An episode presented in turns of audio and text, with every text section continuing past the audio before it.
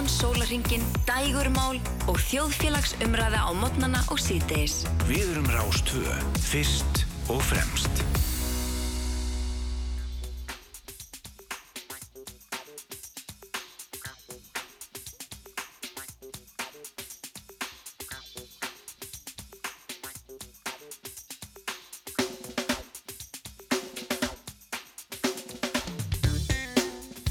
Já, komið þið sæl og blessuð. Þá leggjum við að staði fram og tilbaka hér á Rástvö og ég heiti Felix Bergsson og gladur að vera komin aftur til ykkar eftir stutt frí.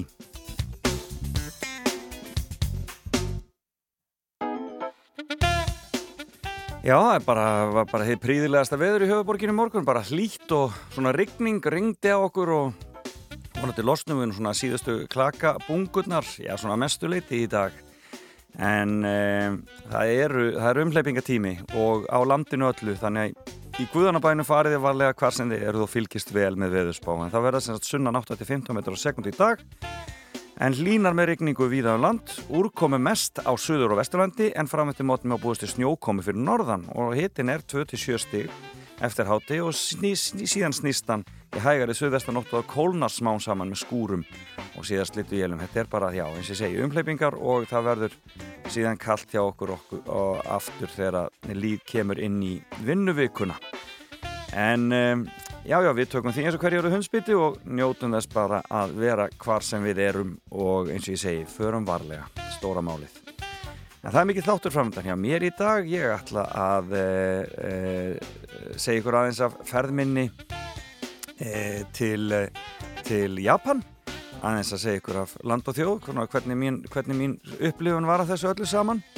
Og, og kannski spila einhverja tónlist svona aðeins því tengt. Ekki mikið, ég er nú ekki mikið sérfræðingur í japanskri poptónlist í miður. Það eru aðrir sem eru betri í því. Dr. Gunni til dæmis og einhverju svoleiðis menn. En eitthvað heyrist þarna. Og síðan e, eftir nýju þá fæ ég fimmuna. Og við snýjum það eins og við í dag. Þá kemur hún til mér hún Hafdís Huld Trastardóttir tónlistarmadur og hún er með skemmtilega fimmu fyrir okkur. Ætlar að tala um fimm ákvarðanir sem hafa haft mikil áhrif á lífinar Það voru gaman að fá Hafdísi hér í morgun kaffi eftir nýju en e, auðvitað er maður alltaf aðeins að leita einhverjum lögum sem tengjast Japan svona þegar maður er með Japan í huganum og uh, ég spilaði síðasta uh, fyrir hálfumánu þá spilaði ég lagið Japanska stúlkan með Lonely Blue Boys. Uh, en allt einu rannu fyrir mér að það er annað lag sem að tengist í Japan í íslenskri dagulagsögu sem er náttúrulega miklu starra og það hljómar svona.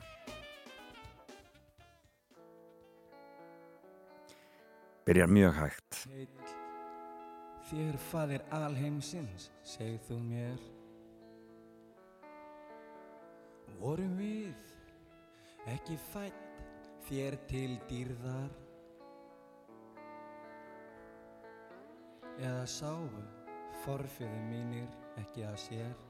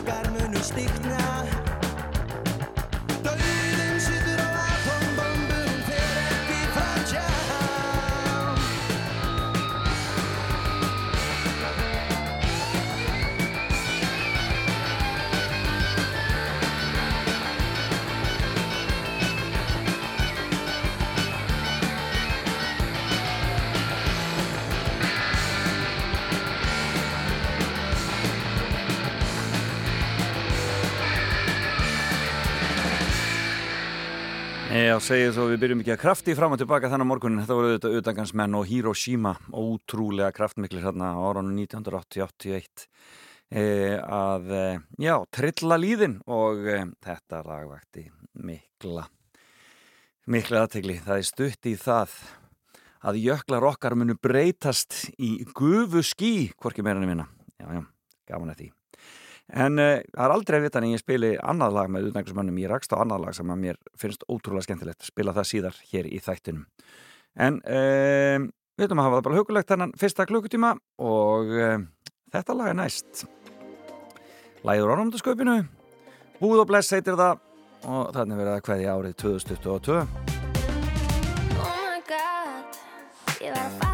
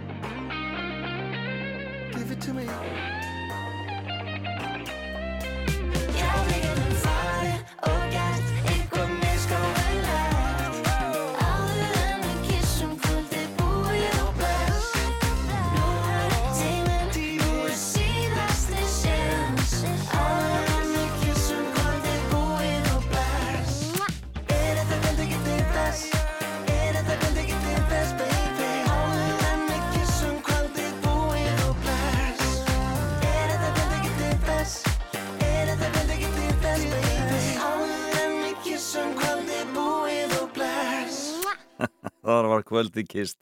Búið og bless. Frábært. En uh, ég ætla svona aðeins að fara að kíkja það sem að ég upplifiði í uh, uh, Japan. Segja ykkur frá því hér og eftir. En um, byrjum hér á Man on the Moon með R.E.M. og þetta er útgáfa sem var gerð í Tókjó á tónleikum.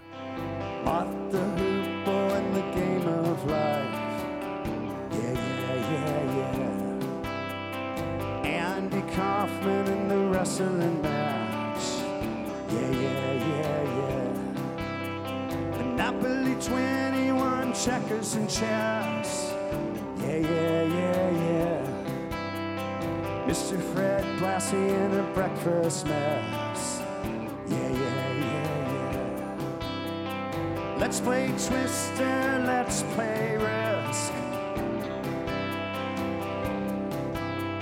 I'll see you in heaven if you make the list. So, Andy, did you hear about this one? Tell me how you're locked in the pawns. Hey, Andy, are you goofing on Elvis? Hey, baby,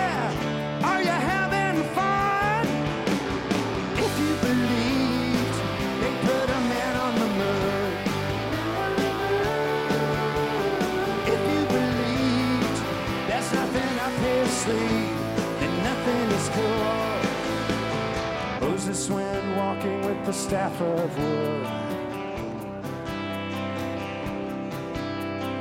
Newton got beaten by the apple good.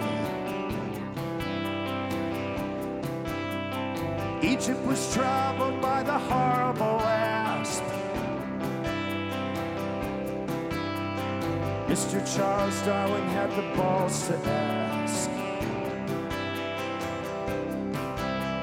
So, Andy, did you hear about this one? Tell me how you're locked in the ponds.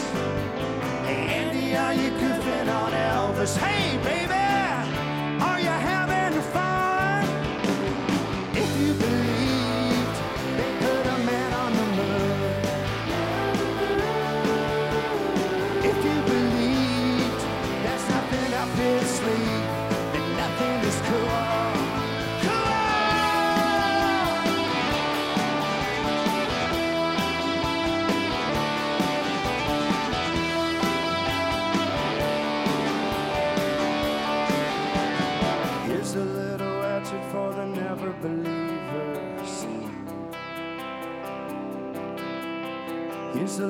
ghost for the offering.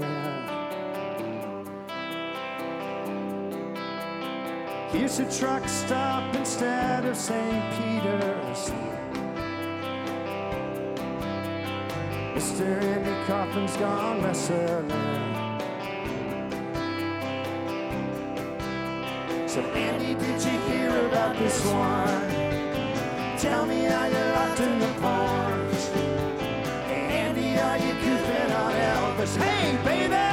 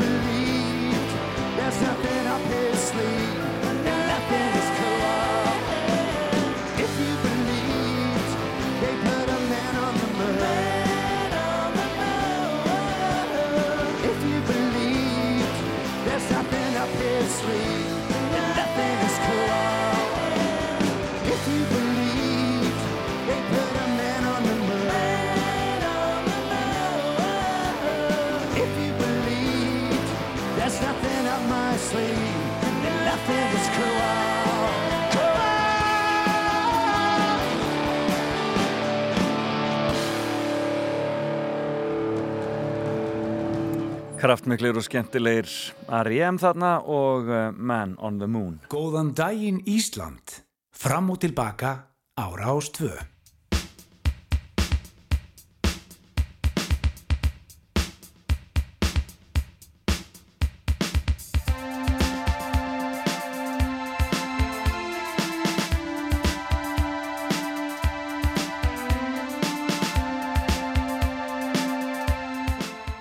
Já, kæru hlustendur, eins og ég hef margótt komið inn á þá var ég að koma úr lítilli ferð til Japan.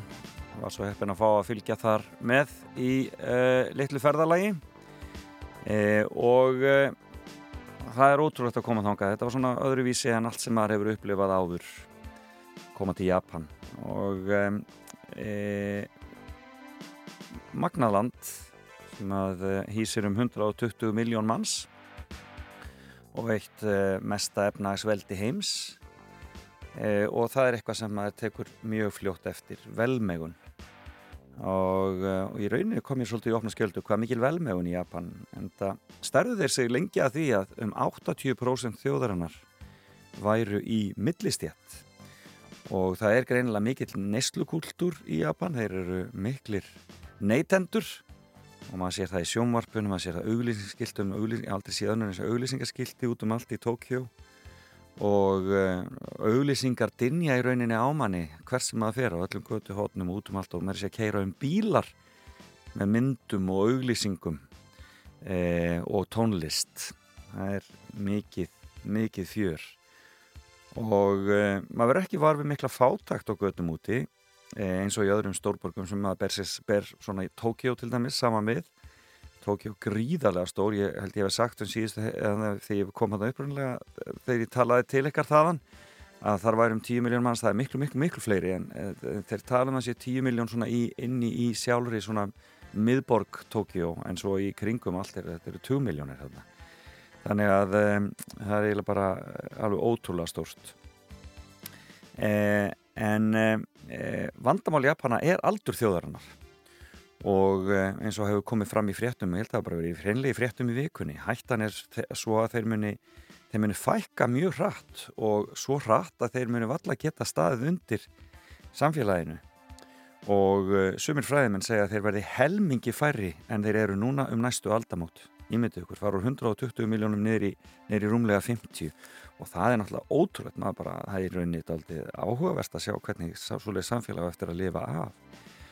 Og um, en ofan á mingaða basfæðingar sem ekki hefur verið talað um þá er, um, eru þeir með harða innflytjandastefnu og það er talað að þessi genum að 23% þjóðarinnar séu innflytjandur eða útlendingar. Og maður sér þetta alveg þegar maður er í Japan. Það eru bara mjög fáir útlendingar. Og þeir útlendingar sem maður hittir eru þá flestir frá, frá Asjú í Londonum í kring e, frá Taiwan eða frá, e, frá Tælandi. Og um, já, það verður áhugavert að sjá hvað verður um allt húsnæðið og allt innra skipulagt þegar þjóð ferur 120 miljónum niður í 50 það er eitthvað. En þeir eru kurteisir og feimnir og vingjarlegt viðmót var mjög ríkjandi þarna einstaklega kurteisir og um, það þó ennskan flækist afskaplega mikið fyrir þeim það tala mjög fáir ennsku í Japan og það kannski gerði þetta stundum ráttið flókið að vera þarna. Katilans er þetta útskýr og veitingastöðum e, sérstakar matarþarfir ef maður með einhver ofnæmi eða eitthvað slíkt. En e, þeim voru mjög ákveðnir í að reyna að hjálpa manni nema stundum koma fyrir að maður bara, manni var bara reynlega meinað yngöngu, þeir bara vildi ekki útlendinga þeir treystu sér ekki fólk sem talaði ekki japansku að og það er held ég ekki dónaskapur, ég held að það hefur bara hreinlega verið bara praktískar ástæður, það er bara engin ástæð til að setja stundum á stað það sem er, veiting, sem er matseðlin er á japansku ef enginn getur útskistan fyrir þér og um, ég held að maður verið bara að skilja það taka því eins og það er. En þeir Japani sem við kynntumst og einhverjum mestu humoristar og skemmtilegt fólk á umgangast og þarna og um, það er aðalega þetta þeir skamma sín fyrir að geta ekki talað ennskun almennilega. Og svo er annað sem hann tók sérstaklega eftir og það er grímunótkunnin. Það var ótrúlegt. Voru all, það voru allir með grímur í Japan. Það áttur að COVID sé á niðurleið og 85% þjóðarnar fullt bólusett og allt á eins og hérna hjá okkur það var bara ótrúlegt að sjá þetta þvílik hjarðhegðan, það voru allir með grímur allstaðar og ég veit ekki hvað, það söks er að fara varlega en það var ótrúlegt að sjá þetta til dæmis bara á gödum úti eða fólk sem var eitt í bíl eða satt út á túni í almenningskarði uh, með grímuna sína en það var einhver sem sagði við okkur að kannski væri það bara einfallega þannig að henni feimnu í öpunum þeim liði bara hreinlega betur uh, á baku grímuna og ef það er satt Já, þá er mjög aðteklisast að sjá hvort að gríman fer bara nokkuð tíma niður. Já, þannig hljómaði það. Þetta var svona fyrstu upplifun að Japan. Segja ykkur meira á eftir en fáum Coldplay hér. Og hvað annað en Lovers in Japan. Svona í tilbúinu þessu.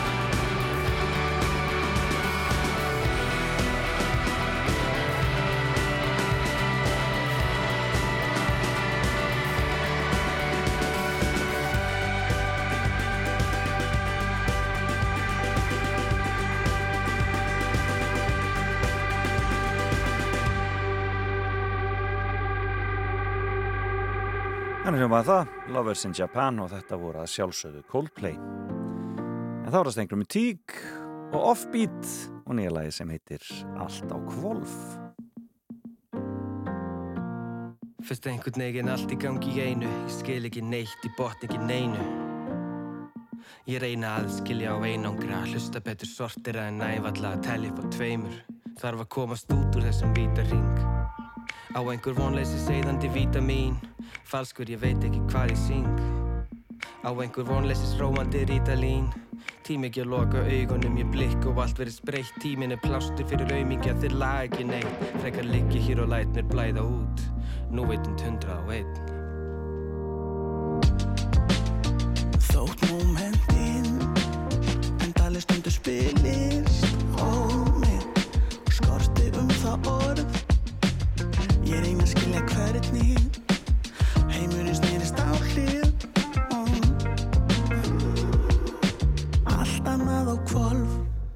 Stend í flæðamálinu og opna.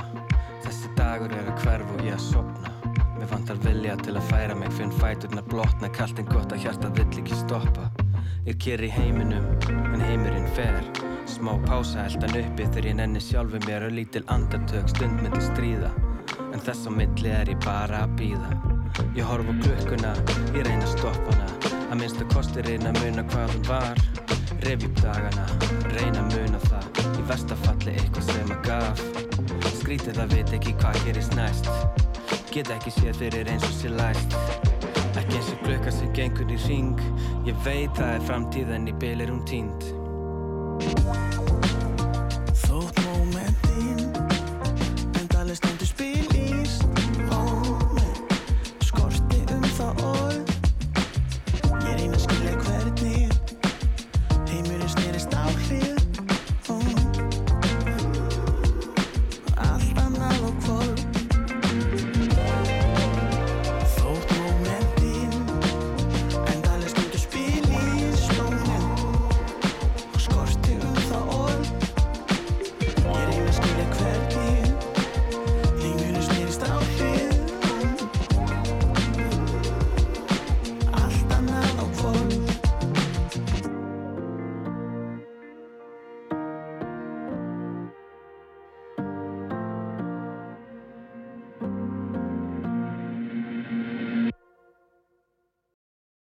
Rás 2.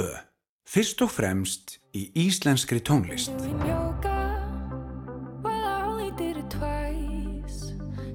Drinking any water, not taking anyone's advice. And I've been looking through our photos. I know I shouldn't, but I do. Cause I've been trying to remember who I am without you.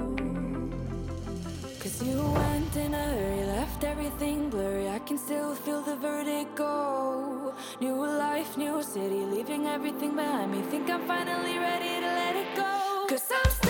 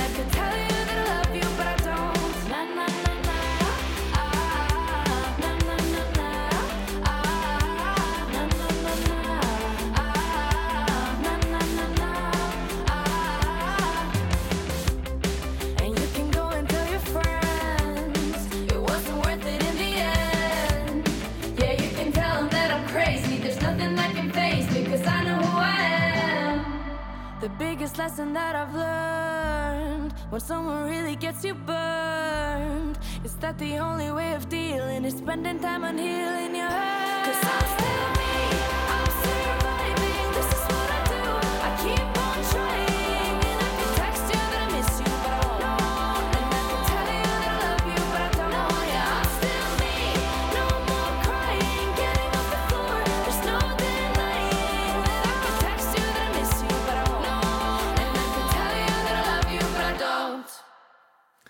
gert, Kristín Sesselja þarna og lag sem að heitir I'm Still Me. Jájá, hann ljómaði það. En ég talaði um að ég ætlaði að spila eitthvað aðeins japansk pop og ég fann eitt hérna inn í kerfunni hjá okkur. Uh, Oteke Gugu Oteke G Gugu uh, featuring Sylvia. Þetta hljómar svona. Þetta er alltaf eins og poppi sem það var að heyra í Japan. Gentilegt.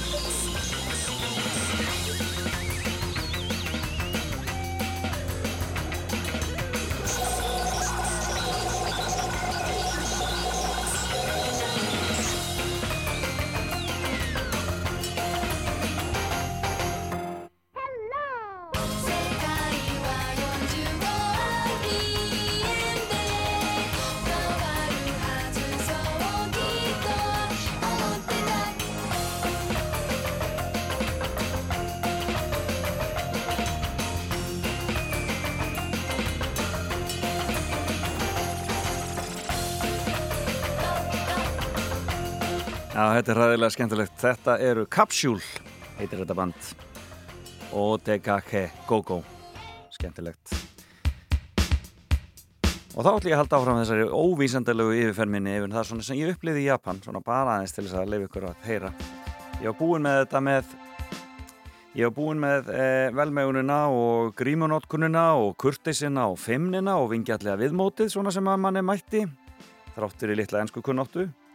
Það er annað sem að kefur manni strax alveg algjörlega opna skjöldu í Japan og það er hreinlætið. Það er ótrúlegt, hreinlætið bæði hjá fólki sjálfu og eins í öllum almannarímum, ég hef bara aldrei séð hann að eins. Klósettin alltaf fullkomin hver sem það kemur. Á bara hvaða litla veitingast það sem er hiti í setunni. Já, það myndi nú margir fíla það ég verð nú að segja það eins og hér og, eh, og hægt að sturta bæði upp og niður og ég segi ekki meir. Þetta var, var mjög magnað að koma þarna. Sturta neðan frá líka. Eh, og það er ekkert rusl hins þar að sjá.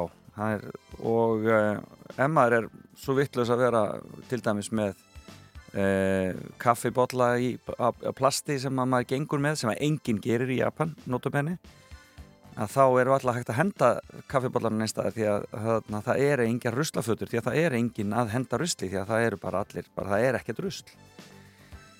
Og uh, þeir eru mjög svona viðast vera mjög uh, næjusamir þegar kemur að mat og drikk og uh, maður sá það.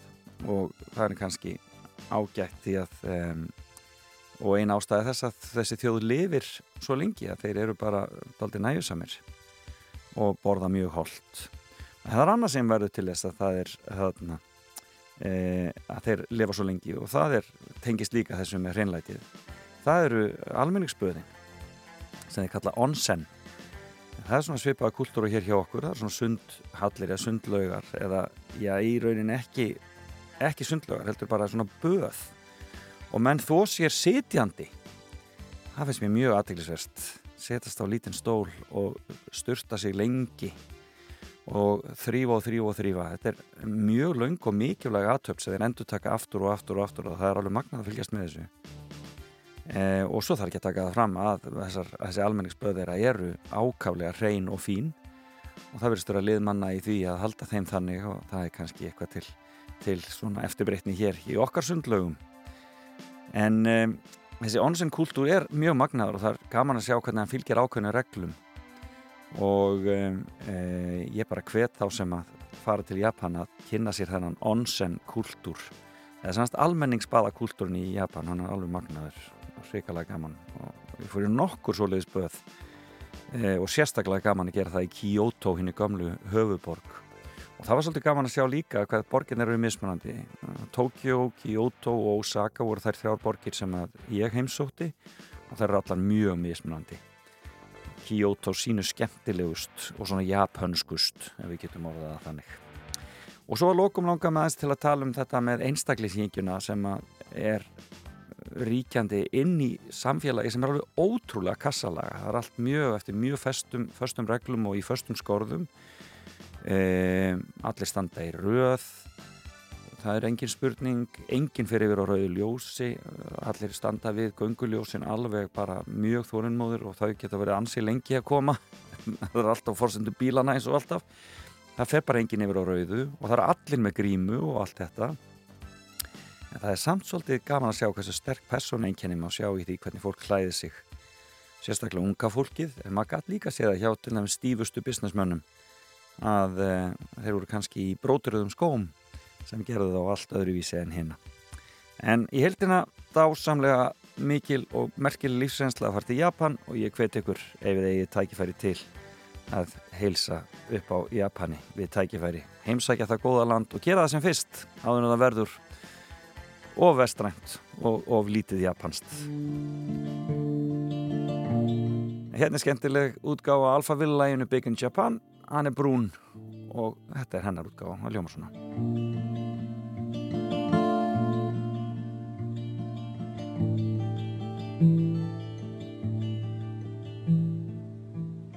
winter city side, crystal bits of snowflakes all around my head and in the wind. I had no illusions that I'd ever find a glimpse of summer heat waves in your eyes. You did what you did to me, now it's history I see. Here's my comeback on the road again. Things will happen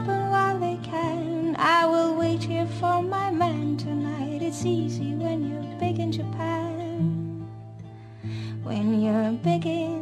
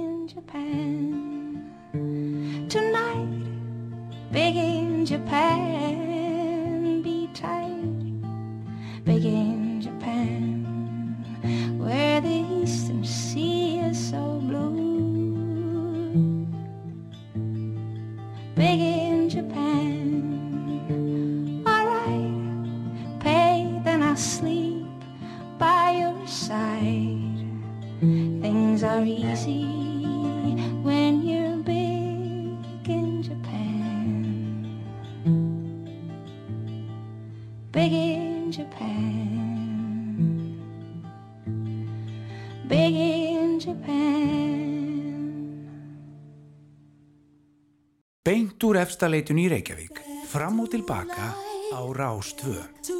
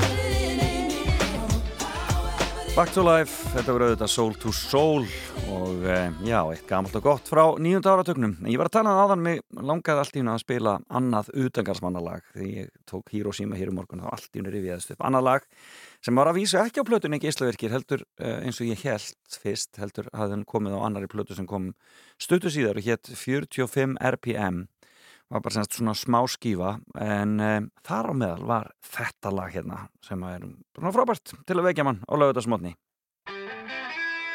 og hafið þið það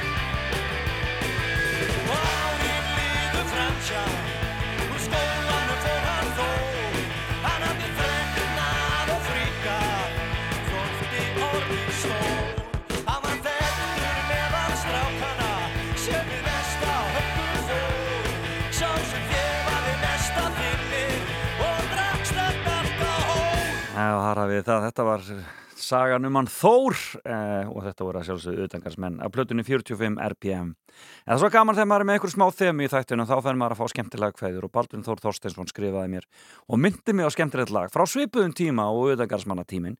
Þetta er hljónstein Vapors sem átti þetta, þennan smell. Nema hvað? Turning Japanese heitir það og þetta er frá árinu 1980, bara svipuðum tíma og Bubbi er að koma fram og þetta er held ég svona í eini eða miskusti langstæsti smellur þessara hljómsveitar. I got your picture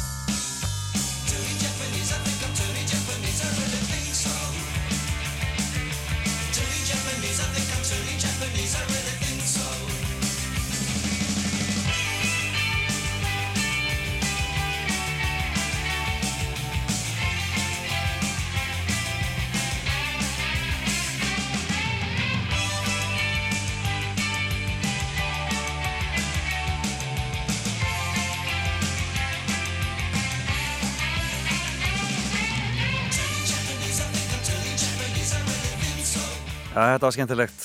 Turning Japanese og þetta eru Vapors auðvitað og lag sem fór hátt á breska minnstallistans árið 1980.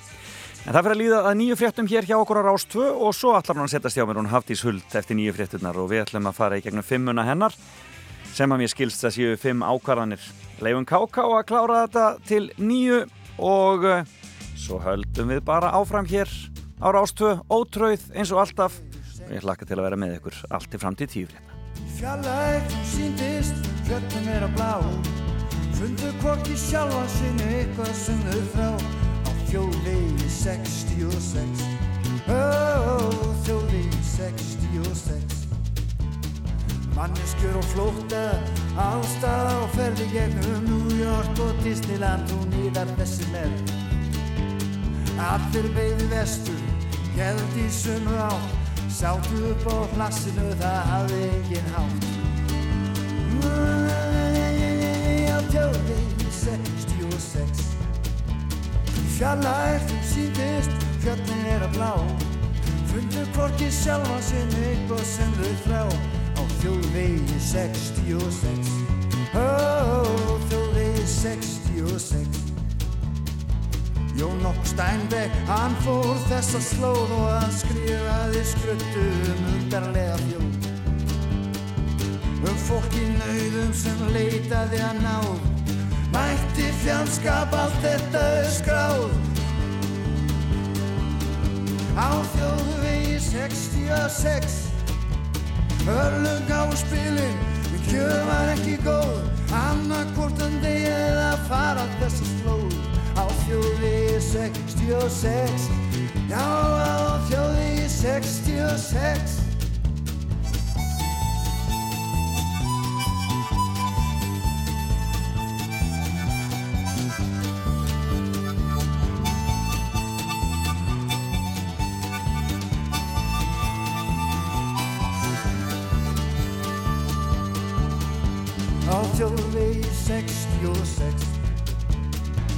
Þeirra byðu öflög sem ekki voru blíð. Annarkortan degja eða heia þetta stríð. Á þjóðu vegi 66 Já, já, á þjóðu vegi 66 Þá bræður hörfa og herja vítir söp. Til eru höfðingjar við Íslands bláu fjöð sem heldur vilja deyja en lífið þeirri smán. Að hafa ekki gefið sem þeir gáttu verið án utan úr heimi, lögin sem þú þekkir og eitthvað sem þú hefur aldrei heyrt áður. Við erum Rás 2, fyrst og fremst.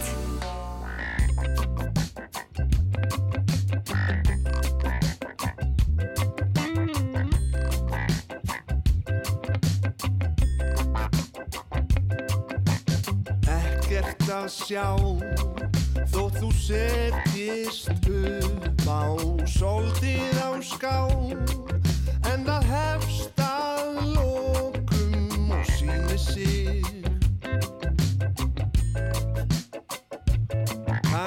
kannski setna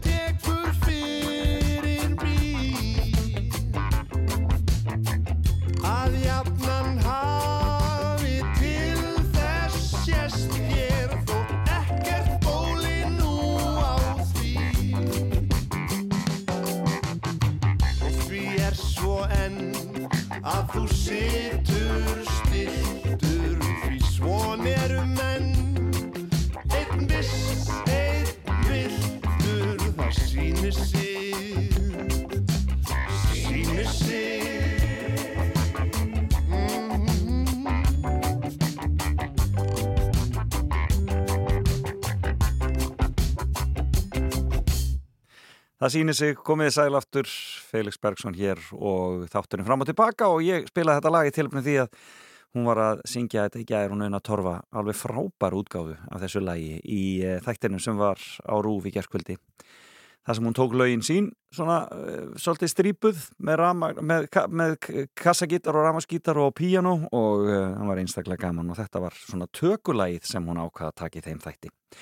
En Hafdís Huld er komin í hús og við ætlum að byrja að spjalla hér eftir smá stund. Við skulum byrja á að fá smá Robin og svo förum við Hafdís Huld að spjalla um fimmuna hennar sem eru fimm ákvarðanir.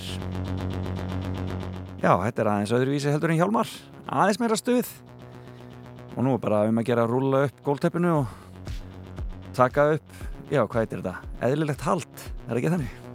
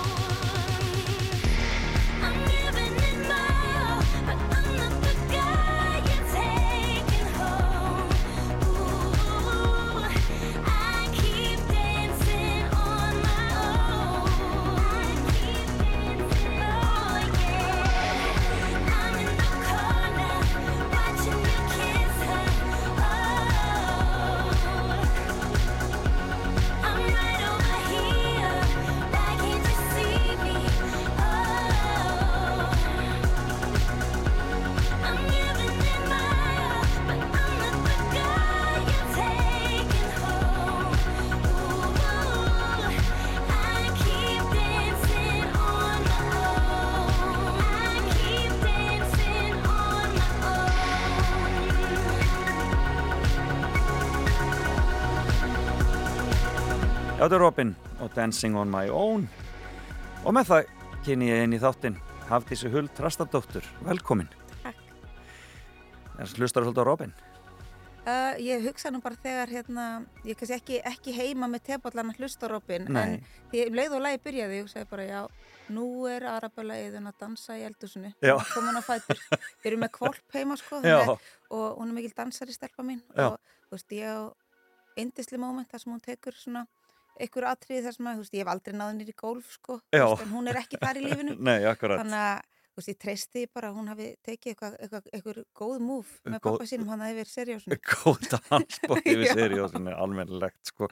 En þið búið í Mosó Já, og bara í Mosfellsdal, eða ekki? jú, Af hverju það? Herði, ég ætla að segja frá það eftir og ég bara Já, byrja á segja því. það, segja segja það eftir, já En, þarna, en það en, Það var svo en, góð ákvörðun að það er á listanum mínum. Já, það er á listanum við góðar ákvarðanir Já, Já, það er fimm, að þín já, Já, ég, sko, ég meina það er, þetta bara, þetta bara leiður okkur inn það, við skulum bara byrja á þeirri fyrstu. já, byrja, byrja bara. Já. Að þetta, en Ég verði að byrja á byrjunni Já. að ef ég byrja á, ef ég byrja á músistalunum sko, Já.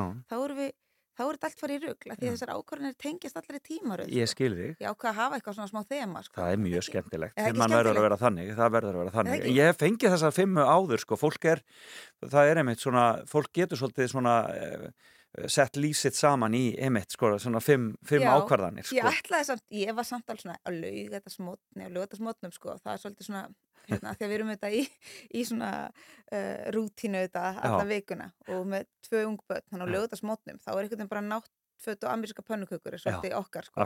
Og hérna, og ég bara, þetta þarf að vera eitthvað létt sko, þetta getur í verið eitthvað svona æfisaga, þannig að ég sagði við manni mín í gerð, ég tala bara um fimm húsdýr, hérna, gærudýr og þá sagði hann bara hafðis mín. Það langar örglega ekki alla að hlusta þið tala um hænurnar okkar í 20 mínútur þó Nei, nei, þér finnst það mjög áhugavert. Akkurat, akkurat, ég veit það. En þetta er samt komið, sko. Hún Árný, hérna, Fjóla, uh, hérna, konuna staða freys og, hérna... Talaði hún um fimm húsdýr? Hún talaði um fimm húsdýr, hún ætlaði að sveita túta alveg, sko, allra Ég besta, fann mína sko. innri sveitatúttu því ég flutti inn í sveitina veist, og ég var alveg... Þið ég- þurfa að hittast í Árný, hún, er, hún er að manneska, ræða þannig að þið þurfa að ræða þetta. Heyrðu, við skulum byrja á fyrsta ákvörun. Hver er fyrsta komir ákvörun? alveg, komir út á tún strax sem við ekki byrju. Hver er fyrsta? Já. Tekur hún upp miðan? Teki, heyrðu, á maður ekki að vera með miða. Jú, það er mjög gott að vera með miða er nei, það standa bara samt fimm orð á þessu miða, sko. Já, ég er, bara, fyrsta ákvörun. já, fyrsta ákvörðin var sem sagt þegar ég er 25, nei, fjagur ára, Já, þá ákveði ég að að skrá mig bara í, í tónlistanám, bara í framhaldsnámi í tónlist. já, já, já, já. og þetta var svona og þetta var alveg ákveðun af því að þarna var ég búin að vera að vinna í Þú sko, komið tíu ára, tíu ára feril hérna strax, Já, sko. þannig er ég búin að vera að vinna sko, já, nýju ár, ég er 24 ára, Já. nýju ár í bransanum, þú veist, og alveg bara að vinna í tónlistabransanum. En mér fannst alltaf svona, þú dettur inn í, þú veist, eitthvað svona verkefni eins og ég gerði, þú veist, 15 ára. Og svo þegar Guskus er búið, þá tekur strax við Efsika Húna sem var frábært, svona annað svona danstónlistaverkefni. Já. Og svo þegar koma því að gera mína sóluplötu, þá einhvern veginn, ég var búin að hitta held í tíu svona danstónlistapródúsera og það sáu bara allir fyrir sér og allir búin að ákveða hvað ég ætlaði að gera næst. Já, einmitt. Ég var búin að fara veist, til LA og það voru allir bara, já, ég, einmitt, kæmi kannski með svolítið svona eins og hún Robin er að gera. Einmitt. Að var, veist, Svoleið, þetta- svona 90s þetta- plötu, svona, Já, já. bara lægi bara svo beint við að ég held að ég er bara í danstónlist. Akkurat, einmitt. og ég var eitthvað að ræða þetta við mömmu og ég sagði, þú veist, mér finnst bara eins og ég hef ekki aldrei fengið tækifæri til þess að veist, sem unglingur til að ákveða hvað mig langaði að gera í tónlist Já, aldrei gefið mér þetta rými Skildi. og ég man alveg eftir að ræða þetta við umbóðsmann, því ég var alveg með umbóðsmann og plötu fyrirtæki á þessu tíma ég bara, Já, já. ég ætla að fara í tónlistarháskóla og allir bara, hæ já, já, ég sé ykkur bara eftir 2-3 ár Já, akkurat. og um, Og hvaða skóla fórstu í? London Center of Contemporary Music Já, já, já. og hérna En varstu búin að læra á hljóðfæri áður? Sko, þegar þú kemur inn í Já. Guskus og þetta allt saman á sínum tíma, þetta er 15 ára, ertu þá með Ég var búin að vera þetta bara, þú veist, í tónleikaskólanum, ég spilaði flautu í mörg ár Já. og, og hérna, lærði gítar í eitt ár og trompet í eitt ár og eitthvað svona, svona, svolítið að reyna, svolítið að, reyna að finna mig í þessu. Já, Uh, Dett svo einhvern veginn, já, inn í guskus og, og þá fer þetta bara, þú veist, eitthvað svona ákveð ferli í gang. já, en varstu þá alltaf með hljóðfæri samt við höndina? Varstu, varstu að semja eitthvað? Nei, ekki, jú, ég var alveg að semja, en, en Og var þá píanóið það sem þú notaðir eða hvað? Aldrei, nei, ég hef aldrei spilað píanó, meira svona gítar, júkaleili, svona í, í, í þá áttina. Og, en rosa mikið fyrir mig bara það var alltaf allt byrjað með textum Já, ég skil. ég byrja, þú veist, ég byrja alla plötna mínar þetta er allt saman eins og ljóð fyrst Já, þetta eru sögur. sögur og Já. ég held að sé líka það sem að trublaði mig alltaf við, að því að það að hlusta bara okkur svona góðan takt og setja svo bara svona okkur flotta setningu og allir í góðan feeling, það er svo langt frá mínum karakter og því sem að ég hefði kannski, veist, ef ég hefði gefið mig tíma til þess að til þess að finna hvert ég vildi fara í tónlistinni þá hefði það byrjað á öðrum puntaði, byrjað á, á sögum, Já, hvað vil ég segja? ég og ég þess vegna hef ég einhvern veginn á mínu sólferli ég hef ekkert verið að syngja lög úst, eftir aðra því að mér skiptur svo miklu máli hvað ég er að syngja um, hvað ég er að segja. Já.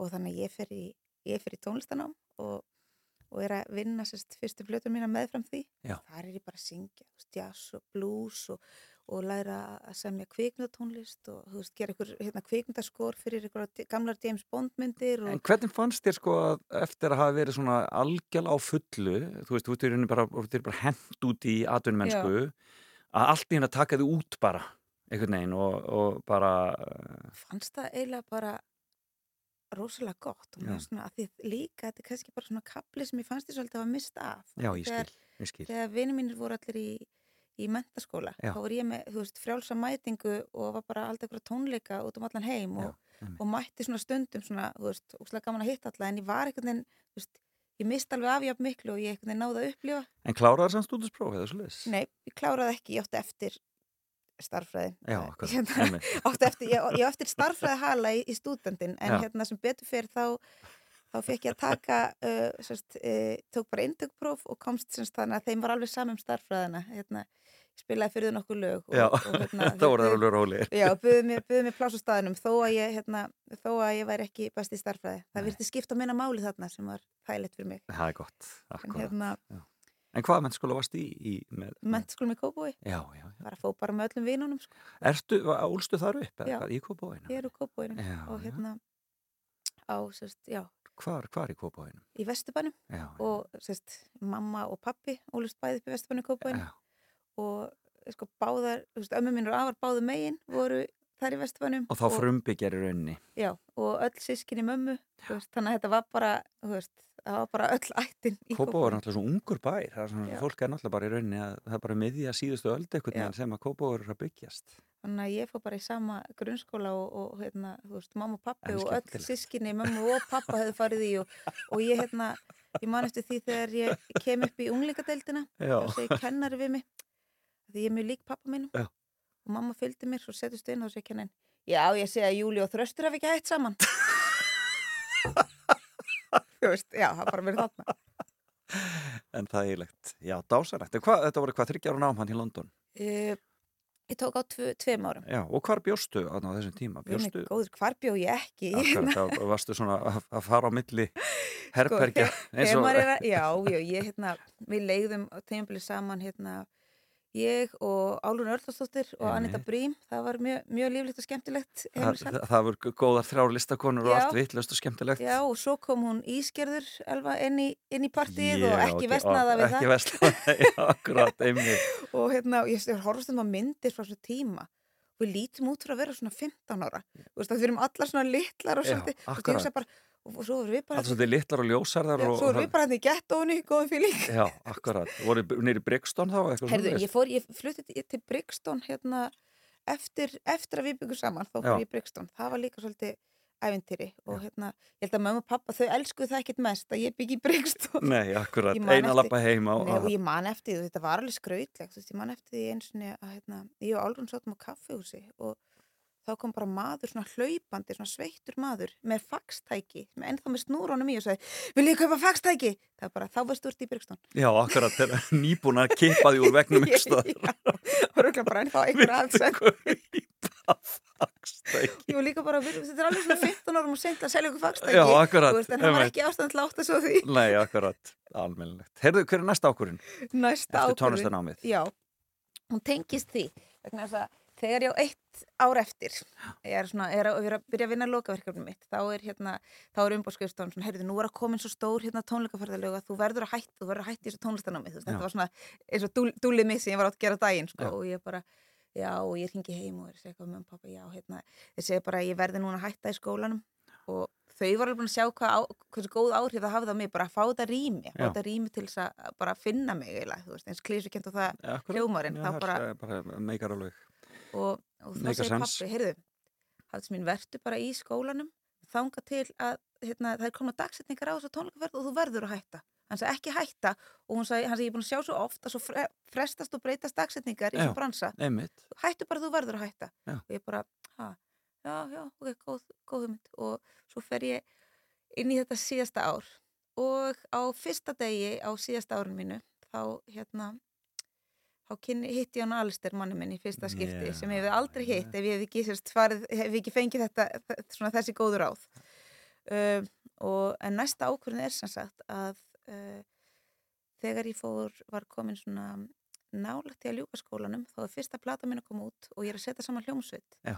og ég er með tvo vini mína sem voru búin að fylgja mér svolítið gegnum skólan því ég hafði ekki þekkt Alistair neitt sko, Nei. mjög hljóður og hérna og við vorum svona típur sem að þú veist ég hef svona sá hann í- á loka árinu hann kom inn í einhvern einn tíma sem ég var í og, og svo fyrir ég að tala við sérst, uh, skólastjóran og eitt kennar og segja nú er ég að setja saman hljómsveit en ég er að spila eftir sex vikur hérna í Shepard's Bus Empire Já. og, og ég er með banjó í öðru hverju lægi og mér vantar banjóleikara og þau bara, það er enginn alveg á banjó hér þú veist, það er banjó er svolítið svo ólífur elskar fólk það að hata sko. Akkurat, einmitt og, og ég Svo ólíf Já, Nákvæmlega, ok. Svolítið þannig.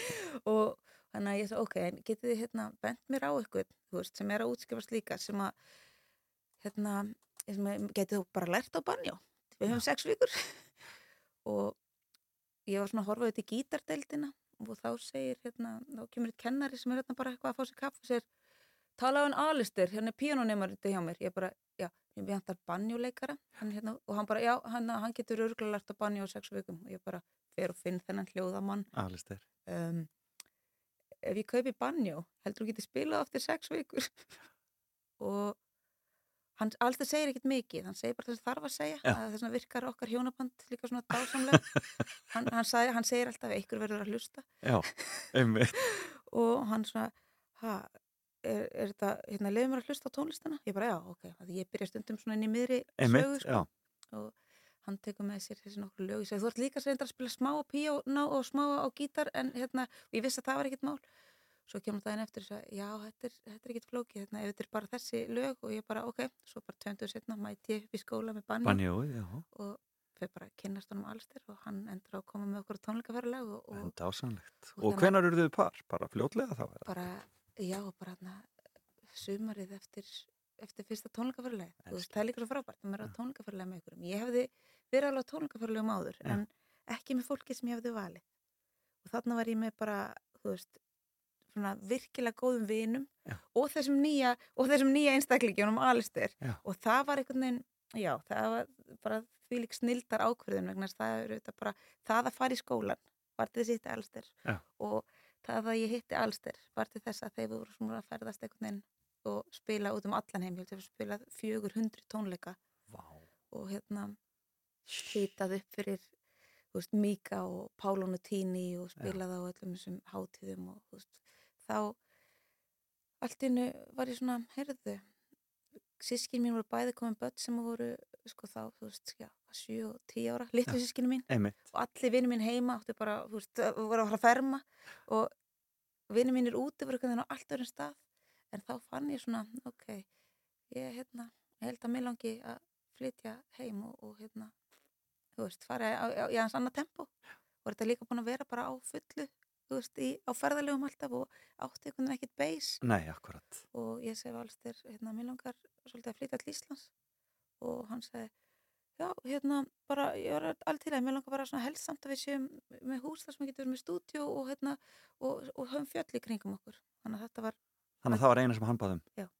Og það er þriði ákvörðin það er þriði ákvörðin Að flytja í músastæli Og það er, en það verður svona uh, sameiglegt verkefni. Það var bara, það er bara svo falleg og, og góð ákvörður og hefur einhvern veginn mótað lífið mitt eins og er í dag þannig að Hvaða, hvaða, hvaða land er þetta hvaða, hvaða staður er það þetta sem heitir? Suðurá og er hérna áinn rennur Suðurá en rennur svona í meðfram húsin okkar Já. sem er mjög rólegt og, og fallegt og romantist nema þegar það er svona mikla leysingar eins og núna þá er það svolítið stressandi pappi er bara núna út á gröfunni Að reyna að búa til ykkur að varnaveggi svo, svo, að Svo það flæði ekki svo það flæði ekki yfir annað píanó hjá mér Það er bara já. en ég meina þetta er æfintýr, alltaf hasar í sveitinni Já. og sérst pappa og mamma ákveða að uh, kaupa með okkur Já. með okkur hérna uh, gamla svona jörð og sem að þarf alveg að gera upp og gamalt risastort gróðurhús, elsta gróðurhús á Íslandi Já. og mamma og pappi er svona smekklegt svona smekk- smekklegar hönnunatýpur ég Já. er það ekki, ég er svona bleikt, nei svona gamalt svona ennst tesett og bleikt hús týpa, það er mjög skemmtilegt þau eru alltaf svona að reyna að draga mig aðeins inn í smekkleitin En skemmtilegt. og hérna og þau gerðu sérst upp gamla gróðurhúsið og hérna og eru með, þú veist, indislega bara fallegt sett upp þar. En þurftu að byggja ný hús þá þarna eða svoleiðis á landinu eða hvað? Uh, já, það er svona, þetta var, er svona gamalt eins og svona vinnu, uh, þetta var svona gamalt vinnuhús, eða þannig, og gróð, svona samlíkjandi gróðurhúsinu, Já. þannig að þau, þau, hérna, fóru bara í svona magnað hönnunaferli þar. Ég og Alistair, við löpum nú bara upp á gamla bleikahúsið. Já. Það er ennþá, þú hefur séð hérna teikningarnir í bókunum eftir hérna Úle Lund kirkigard. Já. Þú sem svona aðeins skakk. Húsið mitt nær svolítið þeim bara stíl. Það er aðeins skakkt af því að það flætti vist einhvern tíma 1960. Já. Þú veist, og þá var að aðeins, skakkt. Þannig það. að aðeins búið að laga það. Á, það er er búin að reyna, jú, þetta er bara kósi sko. Reynda suma vinkonum minn segja að líða alltaf eins og þessu búin að aðeins fá sér það heima með mér. Af því að það er skólfið hallar svolítið mikið. Það er vist 22 cm. Já, það er svoleiðis. Hallin er 22 cm. Já. Það er dálítið mikill halli. Það er bara á efriðinni. Pabbi er búin að neðri það með Alistair. Já, já. og hérna, þegar, þegar Alstur kom til Íslands þá hérna, tók pappan bara í svona, hérna, svona þetta reddast kurs Já. og hérna, já, við lögum þetta bara og bara, ég hef ekki verið að byggja mikið og hann bara, heyrðu, maður lagar þetta, maður á bara gamalt hús og fyrir bara þannig að hann var bara, liðið tvær vikur að koma í lópapessu og, og hérna, Og gummitútur og og farin að gera þetta farin bara. að segja þetta reddast Frábært. Þannig að við búum þarna með, já Með, með börn og, og með börn hænur og, og, og foreldra og allt saman. Já, bara. já, með, með svona sirkushænur hérna, ég fikk hænur á nágranna mínum og, og var sagt að það er hérna ég ætti bara að byggja svona, ég byggði svona há, háa girðingu og ætla að hafa þetta alltaf eitthvað safe og svo horfi ég bara að fljúa hérna yfir girðinguna fyrsta degi þannig að ég með eitthvað sirkushænur sem svo upp í jólatri Já. Og þetta er bara, þú veist, þetta er svolítið þetta er svolítið svona eins og einhver góð barnabók sko, ef ég lýsi þessu bara í svona í grófum dráttum og svo er bara Eftir Úli Lund kirkjum. Já, svo er bara, svo er bara ammon og afinn í næsta húsi og þú veist, það er þetta dásamlegt einhvern veginn fyrir, svona minn er einmitt að hlusta, hlusta núna með ömmu Já, svona og að gera hérna, veist, já.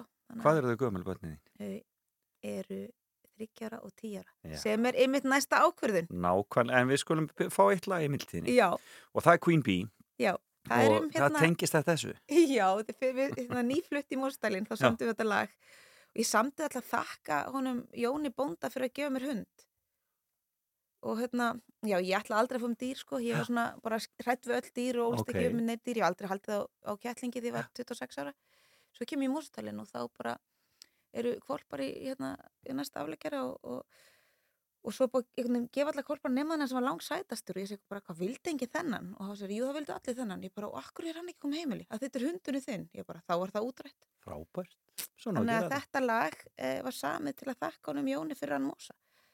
Er Queen Bee.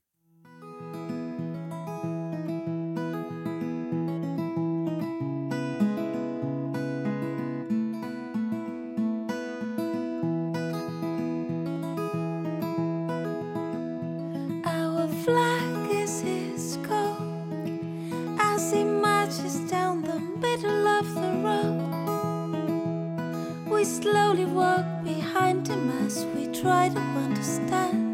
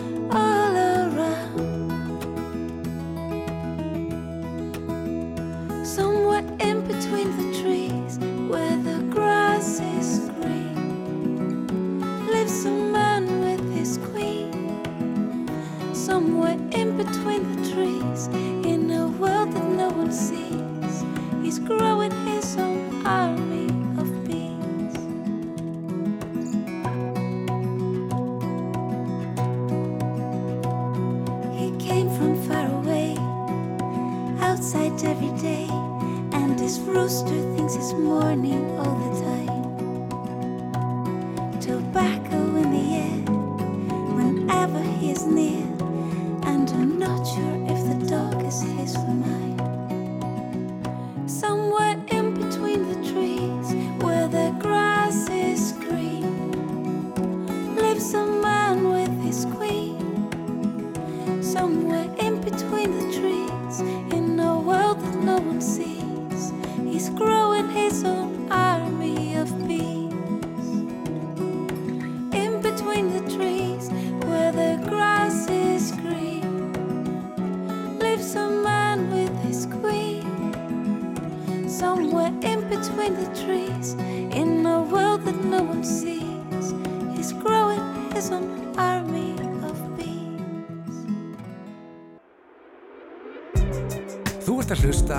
Fram og Tilbaka á Rástvö.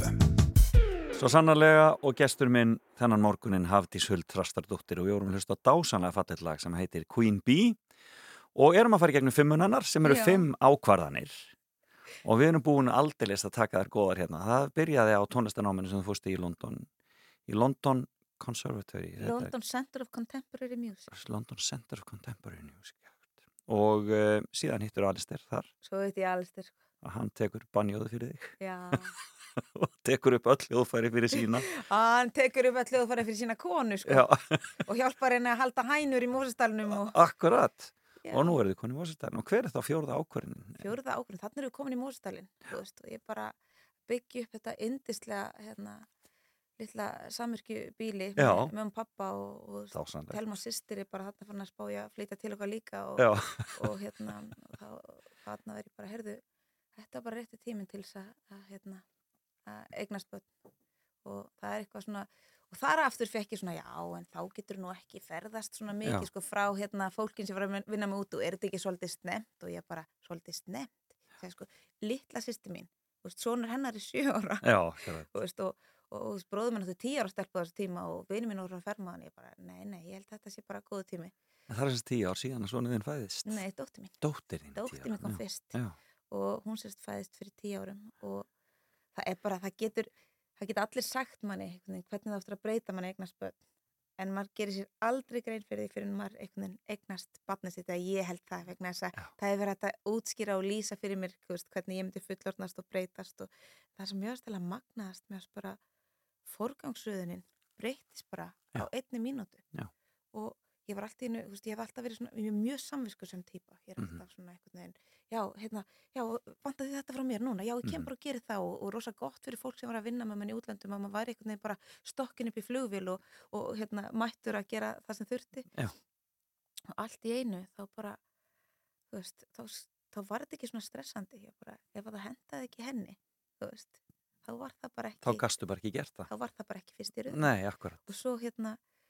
Og svo þetta, þú veist var hún mjög svona viðkvam típa og, og hérna var ofsalega óvart bann, grét ofsalega mikið hérna, og ég hafði alltaf sagt hérna, nei, ég ætla hérna, þegar ég ákveða að eignast bann, þú veist, þá er ég líka að fara all in, bara Mhm. eins og ég hef gert í allt, þú veist, Mhm. þá, þá er það bara hérna, þú veist, þá er það bara það sem kemur fyrst og ég er svo ánað, ég fór líka með því hugafari, af því að ég enda þá að, að hérna ég enda á að þurfa að sem sagt, uh, hætta við útgáfi í bandaríkjunum stuttu eftir að því að ég var bara ekki að fara á tvekja mánu á tónleikaferðilega. Nei, það var bara ekki mögulegt. Skilina, já. Og ég var einhvern veginn líka bara já. Og ég var einhvern veginn alveg sátt við það. Já. Því að nú var ég bara að díla við verkefni svo bara einhvern veginn það. starra og Já. mikilvægra og þetta var bara, þú veist, ég var búin að búa til alls konar lög og alls konar tónlist en þegar þú ert búin að búa til manneski þú toppar það ekki. Já. Þannig að ég bara, og svona kynntist bara nýrri hlið á sjálfur mér einhvern veginn í, í, í gegnum það Já. og, og annað líka, ég svona, sem ég kynst í gegnum börnum mín, að ég hef ofta ekkert verið nú döguleg kannski að berjast fyrir sjálfur mér, að standa með sjálfur mér, þú veist, Mhm. og verið svona, veist, að ég er svona frekar, frekar ljúf og fer ekkert með mikið fyrir mér, svona, en þegar það, ég fann svo, þegar að koma þeim, veist, allt öðruvísi að standa fyrir þeim og berjast fyrir þeim. Já. Og þá fann ég eitthvað svona styrk sem að ég vissi ekki eins og ég ætti til. Þannig að ég svona kynntist bara svona nýri hlið á sjálfur mér, að En, en alls þeir, nú eru þið, sko, þið eru mjög samstíga og þið eru, eins og þú sagði mér hérna, mikið saman. Við erum og, alltaf saman. Já, akkurat. Ég meina, hvernig, hvernig, eh, hérna, hvernig tók hann föður hlutverkinu? Ó, hann er heimsins besti pappi finnst mér sko. Ég, hérna, ég er örgulega örlítið hlutra. Já, örlítið, kannski pínu. Við hérna, við erum núna bara með lítið stúdíó. Já. Við hlýðum á húsin okkar og á sem að allstir byggði með pappa. Já, veist, þetta einmitt, þetta Þetta reddast, þetta reddast. Já, Þetta reddast bara. og við ákvæmum að gera þannig vegna að við komumst að því að við vorum ekki að fara, við, minna, árið áður en aðraflega fætti spilum við, við og 250 tónleika. Já. Já. Þú veist, þetta, þetta er algjör bilun. Já.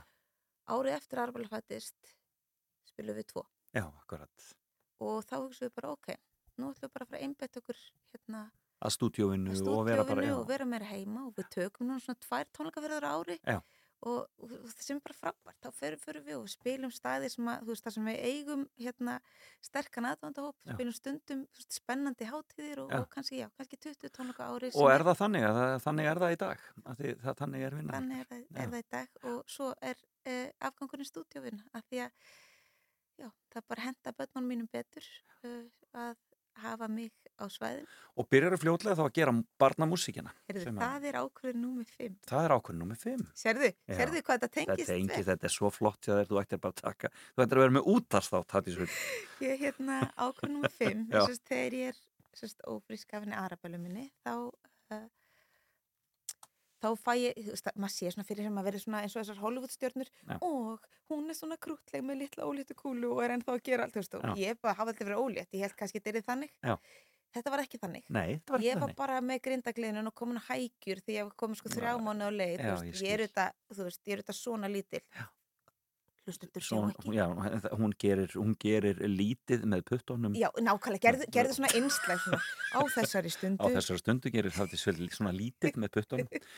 Nei, Og- þú, já, og þannig, þannig það að- var alveg auglist að ég var ekki að fara ég ætlaði að taka svona, þú veist, nokkra tónleika og þetta er bara allt svona krútlegt Já.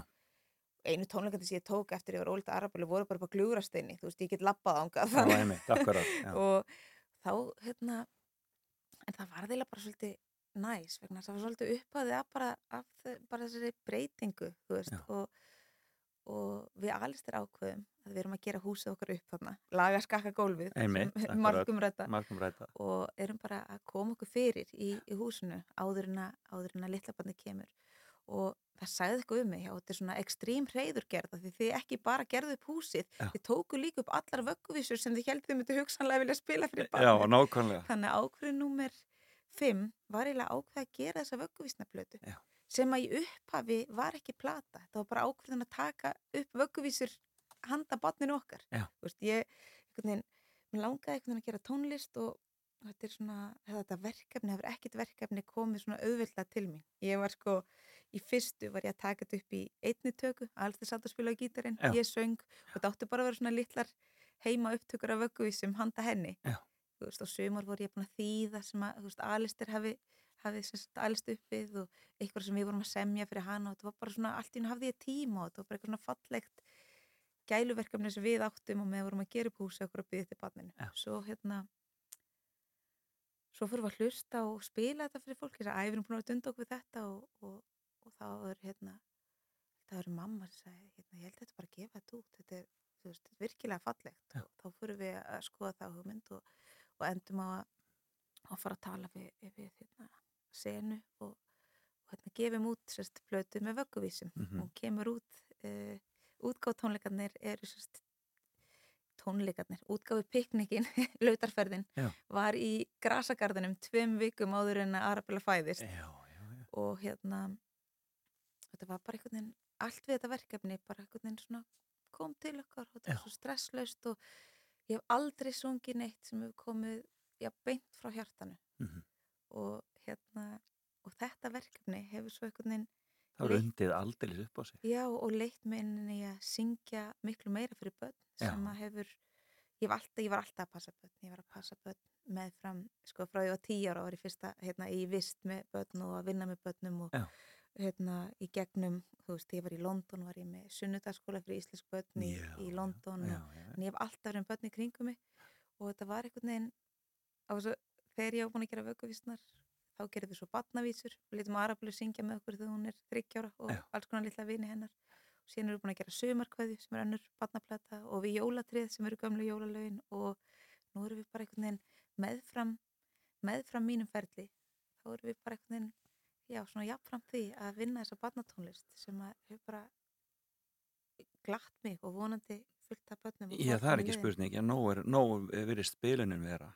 Já. Og þetta er bara alltaf, er alltaf, menn er alltaf í hálfgerðum vandra með topplista Spotify eftir árið því að þú Já. raðið þér á, á top 20 með, Þetta er vist vera vinsalasta plata á Íslandi í þrjú orði röð já, er það vögguvísplatan? Já. Já.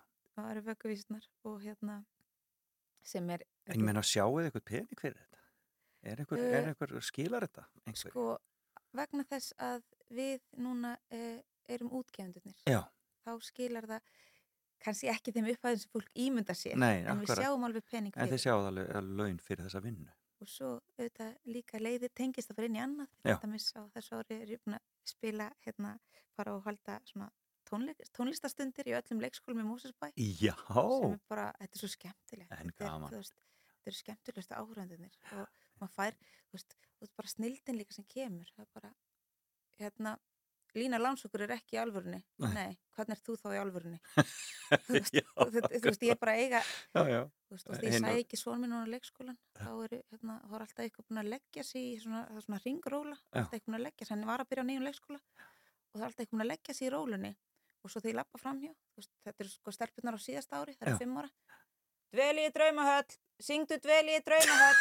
Þannig að sonum er búin að sætta sig við það við þurfum alltaf að stoppa við róluna taka eitt erindi að dveli í draumahöll og svo þetta að farið í nákvæmlega. en þú veist, að ég veit ekki, þetta er bara Þetta er æðislegt, já, dásanlegt. En þú heldur áfram hinn ferilinn eh, já, og heldur áfram að gera fullorðistónlist líka? það er koma plata í haust. Já, Ég er auðvitað með hérna, samlýringu sem höfundur við stórt fyrirtæki sem að, hérna, heitir Bucks Music. já, hvað er það í Breitlandi Það er í? Breitlandi, í Bandaríkjunum og í Asíu. Ertu þá sem er fyrir aðra eða líka Ég hvað? svolítið í því en samt meira bara svona, meira svona semja eitthvað sem ég flyt eftir pöntunum. Já, þú veist, semja fyrir BBC, þú veist, fyrir eitthvað ákveð prógram, þú veist, það sem við viljum eitthvað ákveðna stemmingu.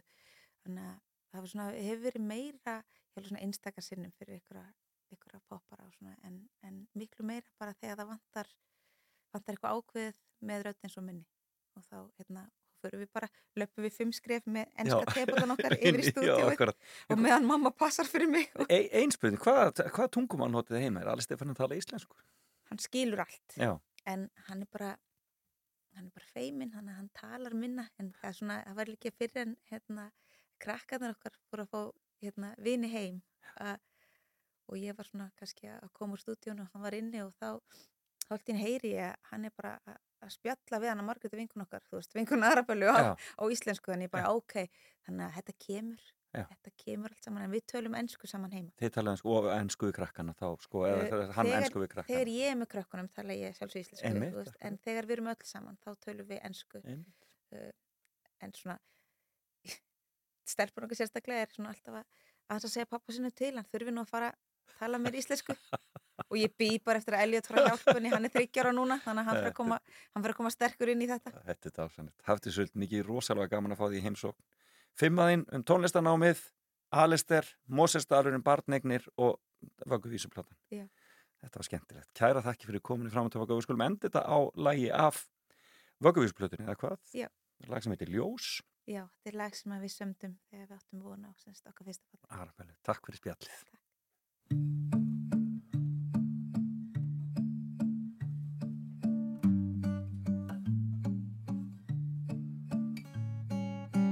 Ég á lítið ljós sem lýsir allra skærast. Bræðir myrkrið burt með brosi blíð og ill lítið ljós sem er mér allra kærast. Gefur nýja von með því að vera til. Ég þarf ekki að sopna í vöku mig dreymir um gleði gæfu og framtíðina Ég þarf ekki að sopna í vöku mig dreymir um það sem koma skal.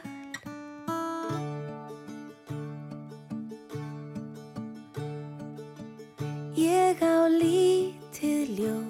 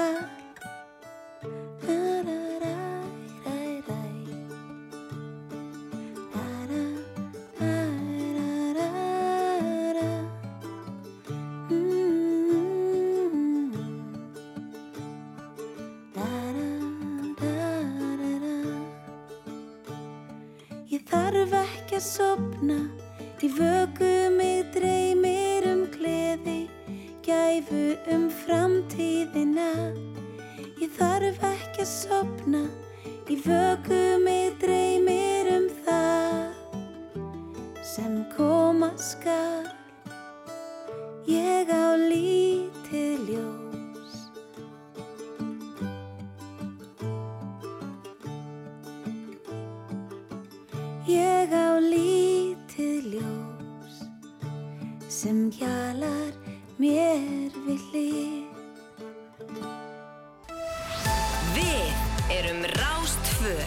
Fyrst og fremst með þér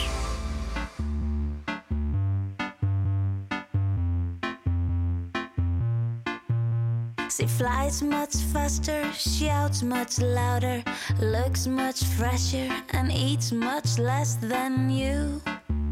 There's nothing you can do. It's just hard to hang out with Tomoko.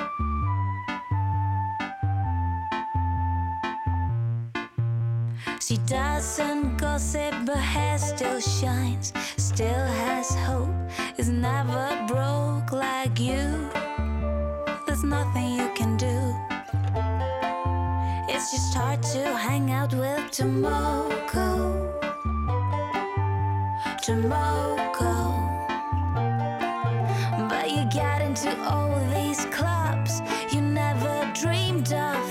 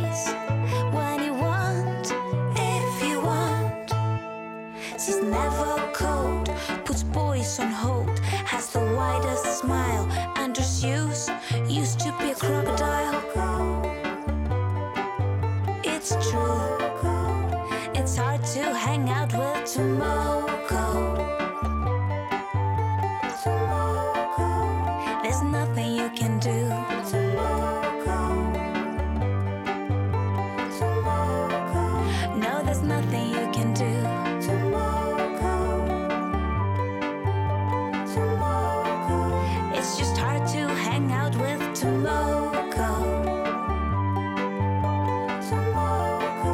And there's nothing you can do.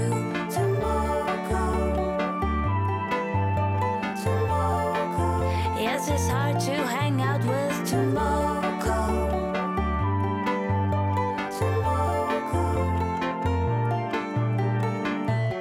Þannig hljómaði það.